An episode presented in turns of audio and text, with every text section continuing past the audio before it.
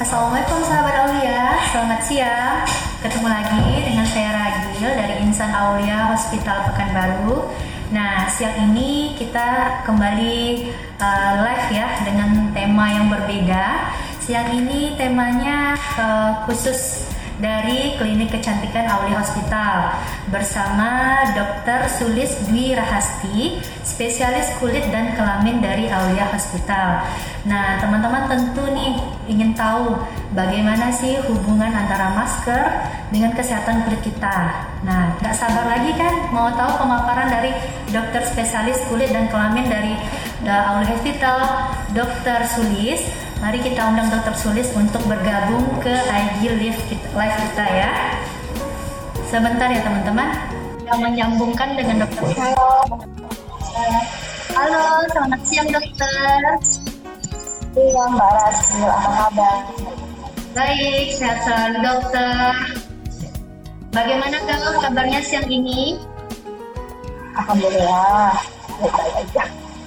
Oke, uh, jadi gini dokter, uh, sekarang kan kita uh, diwajibkan menggunakan masker ya dok ya. Jadi kita ingin tahu nih, bagaimana uh, pengaruh masker yang kita gunakan setiap hari, setiap waktu terhadap kesehatan kulit kita. Kita minta dokter kesediaannya untuk memaparkan. Nah, bagi sahabat Aulia yang ingin ada yang ingin ditanyakan, misalnya sembari dokter Sulis menjelaskan, boleh langsung komen di komentar ya teman-teman ya. Nanti akan langsung ditanggapi oleh dokter kita. Baik dokter, dipersilakan dokter pemaparannya. Oke, sebelumnya uh, saya ingin memberi motivasi dulu untuk yang menonton ini karena ini adalah temanya edukasi. Jadi bagi penanya nanti yang terbaik yang sebagian atau orang yang beruntung akan mendapatkan treatment itu treatment ya di Aulia Skincare Center. Jadi semuanya harus stay tune sampai akhir acara. Oke. Okay. Uh, eh, kalau nanti pilih satu orang tidak akan diikuti langsung oleh pihak admin kita. Nah sebelumnya saya ingin memberikan pemaparan sedikit aja yang, yang uh, berpengaruh ya pada keseharian kita. Baru-baru ini kan diberitakan bahwa penggunaan masker scuba itu sudah dianjurkan jadi saya ingin memberikan sedikit uh, informasi mengenai sebenarnya kalau kita membeli uh, masker yang bahan kain itu gimana sih? Karena uh, seperti yang diketahui oleh Mbak Raji juga mungkin masker bahan kain itu kan lebih hemat ya karena reusable. Kemudian yang kedua itu masker bahan kain ini uh, lebih fashion, lebih uh, nyambung ke fashion bisa matchingnya sama baju dan lain-lain gitu ya. Jadi kita sahabat Aulia semua untuk menggunakan bahan, uh, masker berbahan kain uh, dianjurkan saat ini menggunakan masker dengan tiga lapisan. Yang tidak supply jadi kita uh, lakukan kali dua itu yang berhitungan dengan udara. Dianjurkan tidak uh, tidak ada anyaman ataupun uh, seperti bordiran jadi hanya kain saja. Kemudian bagian tengahnya itu lapisan microfiber. Yang berkecil berarti untuk menarik udara kita. Dan lapisan yang bagian paling dalam yang berhubungan dengan kulit itu juga tanpa anyaman dan dipilih sesuai dengan kondisi kulitnya masing-masing supaya tidak menimbulkan masalah dengan kulit. Nah, nanti kita akan belajar lebih lanjut mengenai bahan-bahan mana yang kita bisa menggunakan palet terhadap ya kalau memang memutuskan untuk menggunakan masker berbahan kain. Nah, selain masker berbahan kain ini, juga ada masker yang uh, berbahan uh, yang kita sering pakai yang seperti Mbak Raja pakai itu, itu namanya adalah surgical mask. itu adalah uh, masker sekali pakai atau disposable yang hanya digunakan uh, biasanya kepada uh, oleh petugas kesehatan ya. Tapi sebaiknya juga itu memang bagus ya memang, memang uh, dapat menyaring atau memfilter uh, partikel sampai ke ukuran droplet. Nah itu uh, dianjurkan seperti digunakan pada masa pandemi seperti ini. Kemudian yang selanjutnya itu ada masker N95 atau equivalennya. Jadi N95 ini juga ada beberapa masker yang equivalen atau yang sama perlindungannya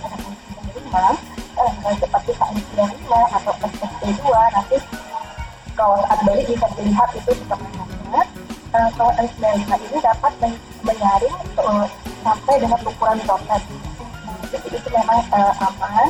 Uh, baik droplet maupun aerosol itu dapat tersaring dengan baik dengan menggunakan masker N95 selama penggunaannya itu benar dan bagus. Uh, yang, terakhir itu adalah masker uh, respirator. Nah, masker ini masker yang di atas N95 lebih efektivitasnya sehingga partikel hingga detik Oke, nah sekarang kita akan masuk ke uh, mungkin masalah-masalah kulit yang dapat timbul akibat penggunaan masker. Yang pertama itu uh, masker ini tentu sering menyebabkan iritasi, ya kan? Iritasi itu dapat uh, nantinya akan dapat menimbulkan jerawat. Jerawat itu adalah masalah yang paling sering dikali pada penggunaan masker ini. Kenapa bisa timbul jerawat? Itu adalah karena tekanan pada masker ini nantinya akan dapat uh, menyebabkan tersumbatnya pori-pori pori-pori akan lebih tersumbat dengan sel-sel kulit mati kita uh, juga uh, uh, baik itu make up ataupun uh, minyak alami kulit itu akan lebih mudah tersumbat di pori-porinya. Nah, uh, sahabat Aulia mungkin dapat mencegahnya uh, ataupun mengobatinya uh, dengan menggunakan bahan-bahan untuk jerawat nanti nantinya akan saya paparkan. Yang kedua itu masker ini dapat menyebabkan kulit menjadi lebih kering, yang terutama pada orang sensitif. Karena daya tekanan berulang pada kulit itu akan menyebabkan uh, terlepasnya lapisan lemak alami kulit, sehingga akan menyebabkan kulit menjadi lebih kering. Masih dianjurkan pada penggunaan jika anda sering menggunakan masker, maka digunakan pelembab pelembab ini harus disesuaikan dengan kondisi kulitnya dan jenis kulitnya.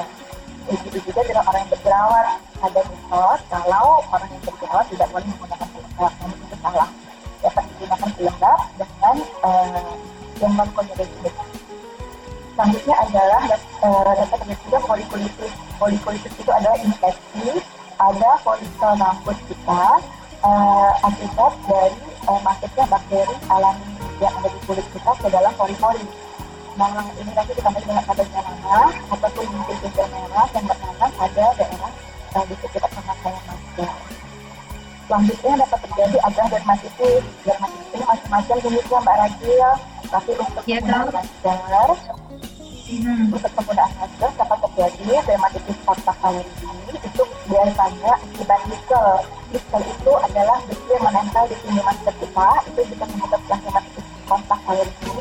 Selanjutnya adalah dapat dapat menimbulkan uh, dermatitis kontak kulitan akibat gesekan yang berulang-ulang uh, karena pemakaian masker juga dapat menyebabkan dermatitis dari oral itu ada dermatitis di sekitar mulut kita. Berarti kalau, dapat menyebabkan kalau ada seperti iritasi mengelupas gitu dok itu gimana ya dok? Ada bisa yang barrier. Nah, merah-merah gitu ya? Ya, bisa dipakai uh, barrier dulu berupa uh, dikasih transfer dulu sebelum digunakan masker namun kalau dia iritasi itu ke wajah, itu dianjurkan menggunakan memang pelembab. Pelembab itu kan tidak berfungsi sebagai biar kulit kita, yang artinya eh, tidak akan menyebabkan masker itu menempel ataupun kalau menempel partikel yang menyebabkan alergi atau iritasi, tidak, tidak langsung menyentuh kulit kita. Nah, itu dapat menyebabkan memar ya. Memar itu biasanya kalau uh, tenaga medis karena dia pakai masker itu berjam-jam masker itu kan memang harus ketat menempel di kulit kita kan yeah. tidak ada uh, pembatas ya antara masker dengan kulit itu kan harus itu yang benar gitu ya jadi kalau tenaga medis kita pakai masker itu kan berjam-jam sehingga itu bisa menyebabkan uh, lemar ya di sekitar uh, daerah uh, batas masker itu hmm. Kalau sekarang itu kan banyak dok yang dijual di pasaran gitu kan jenis-jenis masker kain. Kayak masker medis tadi yang direkomendasikan biar aman di kulit uh, masker kain ada nggak dok? Tipe-tipe tertentu yang bisa dokter rekomendasikan agar aman di kulit? Uh, kalau untuk masker kain dianjurkan berbahan silk, silk itu sutra ya karena bahan silk itu dia lembut dan jarang menyebabkan iritasi pada kulit. Yang kedua itu bahan katun bahan kamu itu dapat menyerap keringat sehingga dia memang uh, tidak menyebabkan dermatitis ataupun reaksi alergi pada kulit kita juga tidak menimbulkan uh, penumpukan keringat berlebih yang nantinya akan menyebabkan satu apa seperti dia keringat tapi pada wajah pada daerah yang terkena masker itu mbak Oke, baik dok. Lalu untuk uh, perawatan jerawatnya sendiri dok, karena udah terlanjur pakai masker biasa nih, timbul jerawat, timbul iritasi, merah-merah gitu kan. Uh, apa sih dok rekomendasinya untuk ini perawatannya, pencegahannya atau penyembuhannya kembali? Hmm, jadi kalau uh, sebenarnya kalau ada jerawat diobatin ya. Kalau misalnya jerawatnya masih ringan, nah ini juga untuk sahabat mulia, mungkin kita lebih teliti dalam memilih obat anti. Jadi sekarang setiap beli skincare harus baca ingredientsnya atau bahan-bahannya. Kalau untuk yang jerawatan bisa dipilih bahan-bahan yang mengandung benzoyl peroxida atau uh, benzoyl peroxide Uh, kemudian dapat juga dipilih yang mengandung asam salisilat ataupun tea tree oil. Nah itu dapat mengobati, atau membantu meredakan jerawat yang dialami oleh sahabat Aulia semua. Selain itu, uh, sahabat Aulia sebaiknya menggunakan pembersih wajah atau cleanser yang lembut yang berbahan lembut dengan pH 5,5 sesuai dengan pH kulit. Karena uh, kami akan berlebih saat menggunakan masker, kemungkinan kulit akan lebih sensitif. Nah, sebaiknya digunakanlah pelembab uh, atau pembersih wajah yang berbahan lembut. Selanjutnya, uh, ini memang saat yang uh, banyak waktu ya di rumah ya, karena kita di rumah aja. Uh, tapi jangan coba-coba produk-produk uh, baru, terutama yang DIY yang kita lihat di YouTube. Bahaya ya, ya. ya belum tentu sesuai dengan jenis kulit kita takutnya tuh tambah yang jerawat misalnya kulitnya sensitif nggak cocok itu tambah buat yeah. break out ya hmm. jadi jangan coba-coba saya pribadi sih nggak mau coba-coba lebih baik dikonsultasikan jadi, sama ahlinya gitu ya dok ya biar aman ya sebaiknya gitu tapi kalaupun uh, udah ada nih uh, produk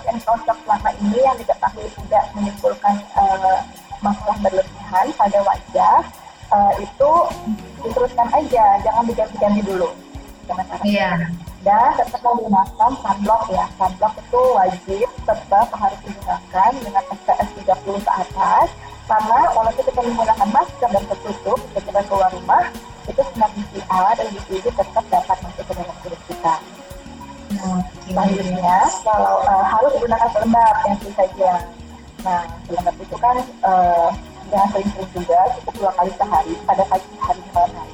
Untuk orang yang acne prone, acne prone itu adalah kondisi kulit yang cenderung berjerawat ataupun kulit sensitif, dapat digunakan uh, pelembab yang non komedogenik. Jadi setiap beli barang dilihat dulu ini memang cocok nggak untuk kulitnya. Jadi supaya kulitnya tetap terawat dengan produk-produk ini. Hmm. Bisa masih juga tetap breakout nih, udah dijaga semuanya, tapi tetap nggak hilang-hilang jerawatnya gitu kan boleh dicari bahan-bahan atau obat-obatan yang dijual bebas. Nah dan untuk mengobati jerawat boleh ke apotek banyak-banyak. Nah dicari uh, produk yang mengandung yang pertama itu mengandung ada kalen ada kalen itu adalah uh, vitamin A turunannya. Kemudian yang kedua adalah retinamid ataupun algalic acid. Nah itu dapat ditemukan di apotek apotek dan dapat dijual dapat dibeli tanpa resep Nah itu kita di uh, coba dulu ya di rumah uh, karena itu lebih kuat untuk memerangi jerawat. Jadi si ada kalen atau retinoid ini nantinya akan mempercepat regenerasi kulit hingga mengurangi sel kulit mati yang bertumpuk di kulit. Dan yang kalau si azelaic acid ini atau asam azaleat dia berfungsi sebagai anti mikroba atau antibakteri dan anti inflamasi sehingga dapat meredakan jerawat yang ada. Untuk pembersih wajah, dapat dicari atau dibaca ya dicari yang mengandung asam salisilat asam salisilat uh, ataupun uh, asam salisilat dua persen ataupun dapat juga digunakan yang mengandung sulfur sulfur itu belerang ataupun dapat juga uh, yang mengandung citri oil nah kalau ada unsur-unsur ini nih cocok nih untuk orang yang berkulit yang uh, berkulit cenderung berjerawat ataupun yang sedang mengalami jerawat Kemudian karena kita saat ini sedang pandemi, setiap hari pasti pakai masker. Uh, yeah. Sebaiknya dikurangi penampilan make up. Nah, make up itu dikurangi ya, dipotong, jangan semuanya berlapis-lapis. Uh, atau jika memang uh, di tempat tertentu ya pekerjaan tertentu kan harus menggunakan make up, nah, harus dipilih pilihlah make up yang non komedis gitu. Hmm, okay. Kemudian uh, saat mencuci masker itu harus mencuci masker dengan deterjen yang lembut dan hipoalergenik. Nah, karena kalau uh, pakai deterjen biasa, itu nanti bisa ada sisa deterjen yang menempel pada masker itu akan dapat mengiritasi kulit. Jadi gunakanlah kalau ada deterjen yang lembut atau pakai sabun biasa aja untuk mencucinya dan pastikan udah nggak ada sabunnya baru dijemur. Uh, kemudian untuk uh, jika memburu juga, breakout yang tidak membaik juga, udah kita konsultasi ke dokter kulit aja. Oh iya benar daripada risiko gitu ya dok ya lebih baik langsung ke ahlinya. Oke teman-teman ya. sahabat Aulia saya ingatkan kembali ya dok saya ingatkan kembali kepada uh, sahabat Aulia yang apa ada yang ingin ditanyakan, ada yang ingin dikonsultasikan. Kebetulan kita lagi live nih dengan spesialis kulit dan kelamin kita. Nah, silakan ditanyakan langsung komen di bawah aja. Nanti dokter Suli saya pun bisa bacakan gitu. Nah, untuk ya, kalau kalau nanya, Ah, ya. tapi akan mendapatkan free facial di Aulia Skincare Center. Ayo. Ya, benar. Lagi ada paket apa dok? Bulan ini dok? Lagi banyak ini ya? Uh, kalau paket promo, bisa dilihat di Aulia Skincare Center. Iya, ada. Di follow lupa. Ada promo ya dok ya? Ya, untuk informasi, sahabat Aulia, jadwal praktek dokter spesialis kulit dan kelamin dokter Sulis dari Senin sampai Sabtu ya, setiap hari. Jadi, sahabat Aulia tidak usah ragu, tidak uh, usah pusing-pusing. Pokoknya dokter Sulis standby setiap hari di Aulia Hospital. Dari Senin sampai Jumat, jam ya. sampai jam 3 sore ya dok ya. Lalu di hari Sabtunya jam 8 sampai jam 1 siang. Jadi teman-teman yang ingin konsultasi uh, langsung uh, kayaknya kurang dapat gitu di Live. Nah, boleh langsung datang ke Outback Hospital, ke poliklinik uh, kecantikan kita, kulit dan kelamin, dokter Sulis. Nah, pendaftarannya boleh via WA atau langsung datang ke sini. Jadi, teman-teman, uh, apa pun kendalanya mengenai kulit, uh, ada yang sensitif merah-merah segala macam karena keseringan pakai masker sekarang kita diwajibkan pakai masker gitu ya. Nah silakan langsung dikonsultasikan kepada ahlinya. Jangan coba-coba produk yang aneh-aneh akhirnya nanti makin parah gitu ya iya. Hmm. oke ada yang ingin bertanya? Silakan. Nah ini ada dok yang nanya bagi wajah yang cenderung berjerawat, berapa lama biasanya memakai masker? Oh, ini kayaknya si Kak Betty. Mungkin maksud Kak Betty ini masker yang ini kali dok, yang untuk kecantikan, bukan masker pelindung kita. Iya, uh, enggak itu masker uh, masker pelindung mungkin ya.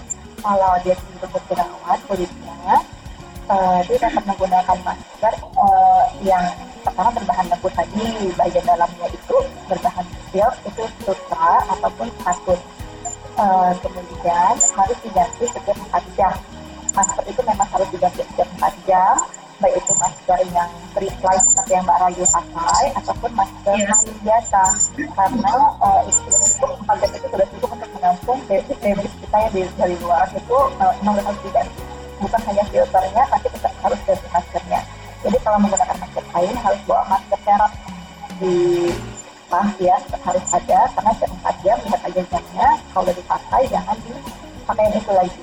Yang kedua kalau dia basah harus segera diganti.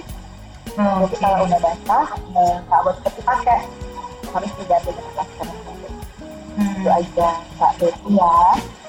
Iya Kak Betty ya. Sudah terjawab Kak Betty Silakan sahabat Aulia, si ada yang ingin ditanyakan dengan dokter spesialis kulit dan kelamin Aulia kita hari ini kita sudah live dengan dokter Sulis. Jarang-jarang loh ada kesempatan bisa nanya langsung gitu tanpa harus datang ke poli.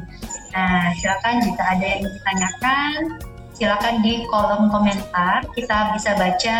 Saya dan dokter Sulis juga bisa baca. Gitu. Hmm. Lalu dok untuk uh, saya aja nih yang nanya kayaknya dok sepertinya sahabat Aulia malu-malu. Terus untuk tips-tips uh, di, di luar konteks kita nih dok, misalnya uh, iritasi maskernya enggak gitu dok, tapi ada jerawatnya itu sering muncul, udah ke dokter ini, udah ke dokter itu, udah ke spesialis gitu, tapi nggak ada perubahan itu bagusnya gimana ya dok? Apanya caranya?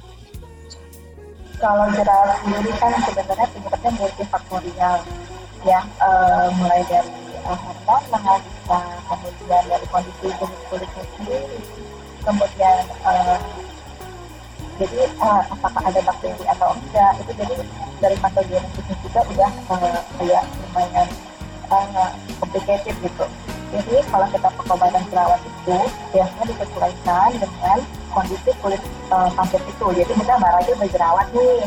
Terus temennya berjerawat. Mungkin kondisi kulitnya beda kondisi uh, jerawat itu berbeda klasik juga berbeda. Biasanya disesuaikan dengan uh, kondisi kulit pasien jenis kulit pasien dan keadaan jerawatnya. Yang itu sendiri kan ada berbagai derajat ya satu sampai empat dari yang paling ringan sampai yang paling berat. Jadi uh, semua terapi memang harus uh, individualize atau individu uh, tergantung dari keluhannya, kondisi jerawatnya, kondisi wajahnya, dan ekspektasinya apa. Jadi disesuaikan dengan uh, hasil itu masing-masing. Cuma kalau untuk jerawat, yang mengobati sendiri, belum bisa ke sini, ya udah kita yang tadi saya bilang, kita pakai benzoyl peroksida, uh, kemudian ada lek acid, salsalic acid, ada palen, dan lain-lain. Coba dulu gitu. Oke, baik dok. Ini ada pertanyaan dari sahabat Aulia. Instagramnya Suci Raju. Halo dok, kalau pakai salep jerawat, boleh langsung ditimpa dengan make up nggak dok? Uh, boleh, uh, ditimpa dengan make up, tapi dijarakkan. Uh, mengenai jarak pemakaian antara satu produk produk lainnya itu bisa sedikit ya, tapi saya anjurkan sih uh, minimal 30 detik tapi kalau bisa 15 menit sebelum disimpan Oke, baik. Kak Suci sudah terjawab ya, Kak Suci. Atau masih ada pertanyaan lanjutannya? Persilahkan Kak Suci. Uh, dokter, biasanya kalau untuk keluhan uh, pasien-pasien itu keluhan-keluhan jerawatnya itu gimana dok? Bisa cerita sharing sedikit pengalamannya nggak dok? Mengenai spesialis jerawat gitu. Itu kalau Mbak Susi punya pasien saya dia tahu kita bisa sharing sama kita. Karena uh, ya kalau jerawat itu kan uh, yang tadi saya bilang berbagai macam-macam dan uh, terapi juga berbagai macam. Kita biasa itu uh, akan terapi atau memberikan terapi sesuai dengan kondisi kulitnya dan kira-kira ada uh, lesi apa aja dan uh, kulitnya gimana. Jadi nggak boleh terlalu iritasi misalnya atau uh, jangan terlalu kering. Tapi jangan uh, lupa tetap harus perawatan bulanan ya untuk meng, meng, apa, membuang kulit mati atau untuk membersihkan folikel apa folikel-folikel kita ini atau pori-pori kita dari uh, kulit mati dari tumpukan debris atau debu-debu dan dari tumpukan lemak-lemak itu harus dibersihkan dengan rutin boleh dengan double cleansing di rumah setiap hari. Double cleansing itu kan bersih kulitnya dua kali ya kan atau boleh ke sini kalau di sini tuh di skincare tentu kita akan uh, lebih maksimal ya semua perawatan juga dikondisikan dan disesuaikan dengan kondisi wajah Oke. Okay. Oh Mbak Susi bisa diulang tadi error. Iya error saya tadi juga masalah jaringan biasa. Boleh diulang dok? Oh kalau bisa uh, kalau untuk menikmati dengan produk lain itu memang literasinya sedikit tapi kalau saya anjurkan itu minimal dijarakkan 30 detik atau kalau bisa sampai 15 menit jadi antara 30 detik sampai 15 detik sebelum mengoleskan produk lainnya atau mengaplikasikan atau melimpah ya dengan yang lain-lain Oke, gimana Pak Suci? Sampai 15 menit. Oke, terima kasih dokter. Oke, silakan sahabat Aulia yang masih ada pertanyaan mumpung kita live dengan spesialis kulit dan kelamin kita, dokter Kudesnya, glowing cantik banget kan? Nah, makanya perawatan di Aulia dong, biar bisa glowing kayak dokter Sulis. Oke. Okay. Oke, okay, dokter, untuk uh, ini uh, sepertinya udah nggak ada lagi pertanyaan. Uh, kita boleh ini nggak rangkumannya secara singkat gitu uh, pemaparan siang ini intinya apa dok? buat yang baru bergabung? Uh, uh, jadi uh, untuk uh, mencegah terjadinya breakout ataupun jerawat uh, pada saat ini saat pandemi ini di mana kita uh, lebih sering ya menggunakan masker yang pertama itu pilihlah bahan masker yang lembut dan sesuai dengan kulit wajah kamu misalnya itu uh, kalau kulit lebih sensitif atau cenderung jerawat dengan berbahan uh, silk atau uh, sutra ya atau berbahan katun yang benar-benar katun yang menyerap. Yang kedua, jika timbul jerawat atau breakout saat menggunakan masker, tetap pakai masker, jangan nggak dipakai maskernya. Nah, pakai masker, tapi obati jerawatnya. Obat-obatan jerawat sendiri yang dapat kamu lakukan dengan obat-obatan OTC, OTC itu adalah obat dapat tubuh sendiri ya. Cari, uh, cari ya, kamu cari kontak belanja nih, cari ingredientsnya atau di bahannya itu yang mengandung benzoyl peroksida atau benzoyl peroxide, kemudian asam salisilat atau salisilik acid, kemudian azelaic acid atau asam azelaic, dapat juga uh, ada palen, kemudian azimanid atau niacinamide. Jadi cari dicari tuh uh, kira-kira yang mana uh, yang ada di situ gitu. Nah sebenarnya uh, kalau dia rutin ya menggunakan itu tentu dia akan dapat mengurangi selfie sendiri. Kemudian gunakanlah pembersih wajah yaitu berbahan lembut dengan pH 5,5 dapat digunakan sabun dai misalnya. Kemudian selanjutnya ganti masker setiap jam atau saat dia datang itu aja hmm. kalau e, jerawatnya menetap walaupun sudah buat itu semua boleh langsung e, konsultasi aja ke dokter kulit ke spesialis kulit dan kelamin atau e, apa ya harus dikonsultasikan ke ahlinya gitu karena kan udah dicoba sebelumnya nggak berhasil ya baik Oke, dokter. Terima kasih banyak, dokter. Sepertinya uh, sahabat Haulia sudah cukup nih uh, dengan informasi siang ini gitu. Nah, kita ingatkan lagi, kita berikan lagi informasi kepada sahabat Aulia bagi yang ingin berkonsultasi langsung, ketemu langsung dengan uh, dokter cantik kita siang ini, dokter Sulis, spesialis kulit dan kelamin. Ada yang ditanyakan perihal uh, kecantikan, boleh gitu. Langsung datang ke Aulia Hospital. Nah, dokter Sulis ada setiap hari dari Senin sampai Sabtu. Senin sampai Jumat itu jam 8 sampai jam 3 sore. Khusus hari Sabtu jam 8 sampai jam 1 siang. Nah, jadi teman-teman tinggal pilih mau hari apa aja silakan. Dokter Sulis standby kok.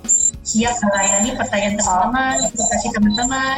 Spesial juga setiap hari ada ya bisa kita periksa setiap hari dan setiap hari ya, jam 8 sampai jam 4 sore. Ya, betul. Oke, untuk siang ini sepertinya informasinya sudah sangat banyak nih dok. Uh, kita udah tahu uh, masker uh, hubungan masker sama jerawat gitu. Kita juga udah tahu dokter prakteknya di Aulia setiap hari. Nanti kita tunggu teman-teman sahabat Aulia datang ke Aulia ya dok ya, ketemu langsung gitu. Sebelum ditutup, saya ingin menyampaikan, ya, sebelum ditutup saya ingin menyampaikan uh, untuk yang mendapatkan free treatment ya di Aulia Skincare Center adalah Mbak Betty Sarah. Mbak Betty Sarah bisa DM saya uh, atau follow Aulia Skincare Center dan DM Artistika Ya, nanti akan dijelaskan lebih lanjut bagaimana pemakaian free treatment ya uh, dan kapan dapat digunakan. Oke, terima kasih dokter untuk waktunya siang ini, untuk ilmunya, untuk giveaway ya itu dokter ya tadi ya? Giveaway sama uh, ya, itu ya itu bukan giveaway, itu uh, apa ya namanya? uh, saya ngasih aja sih uh, untuk yang uh, tetap stay sama kita ya dari awal sampai akhir. Oke, yang setia pokoknya ya. Ya, ya. Oke. Ah keren nih, ada yang setia langsung dikasih treatment gratis gitu ya dok ya. Oke, baik. Terima kasih dokter. Jaga kesehatan. Jangan lupa kesehatan yang untuk sahabat Aulia ya dok ya. Pesan kita untuk sahabat Aulia tetap jaga kesehatan. Jalankan protokol kesehatan, jaga imun. Nah, untuk siang ini kita akhiri sampai di sini. Terima kasih banyak dokter. Terima kasih banyak sahabat Aulia yang telah menonton live kita siang ini. Jangan lupa minggu depan kita ada live lagi. Nanti sama Dokter Sudus kita jadwalkan lagi. Oke, selamat siang. Assalamualaikum warahmatullahi wabarakatuh.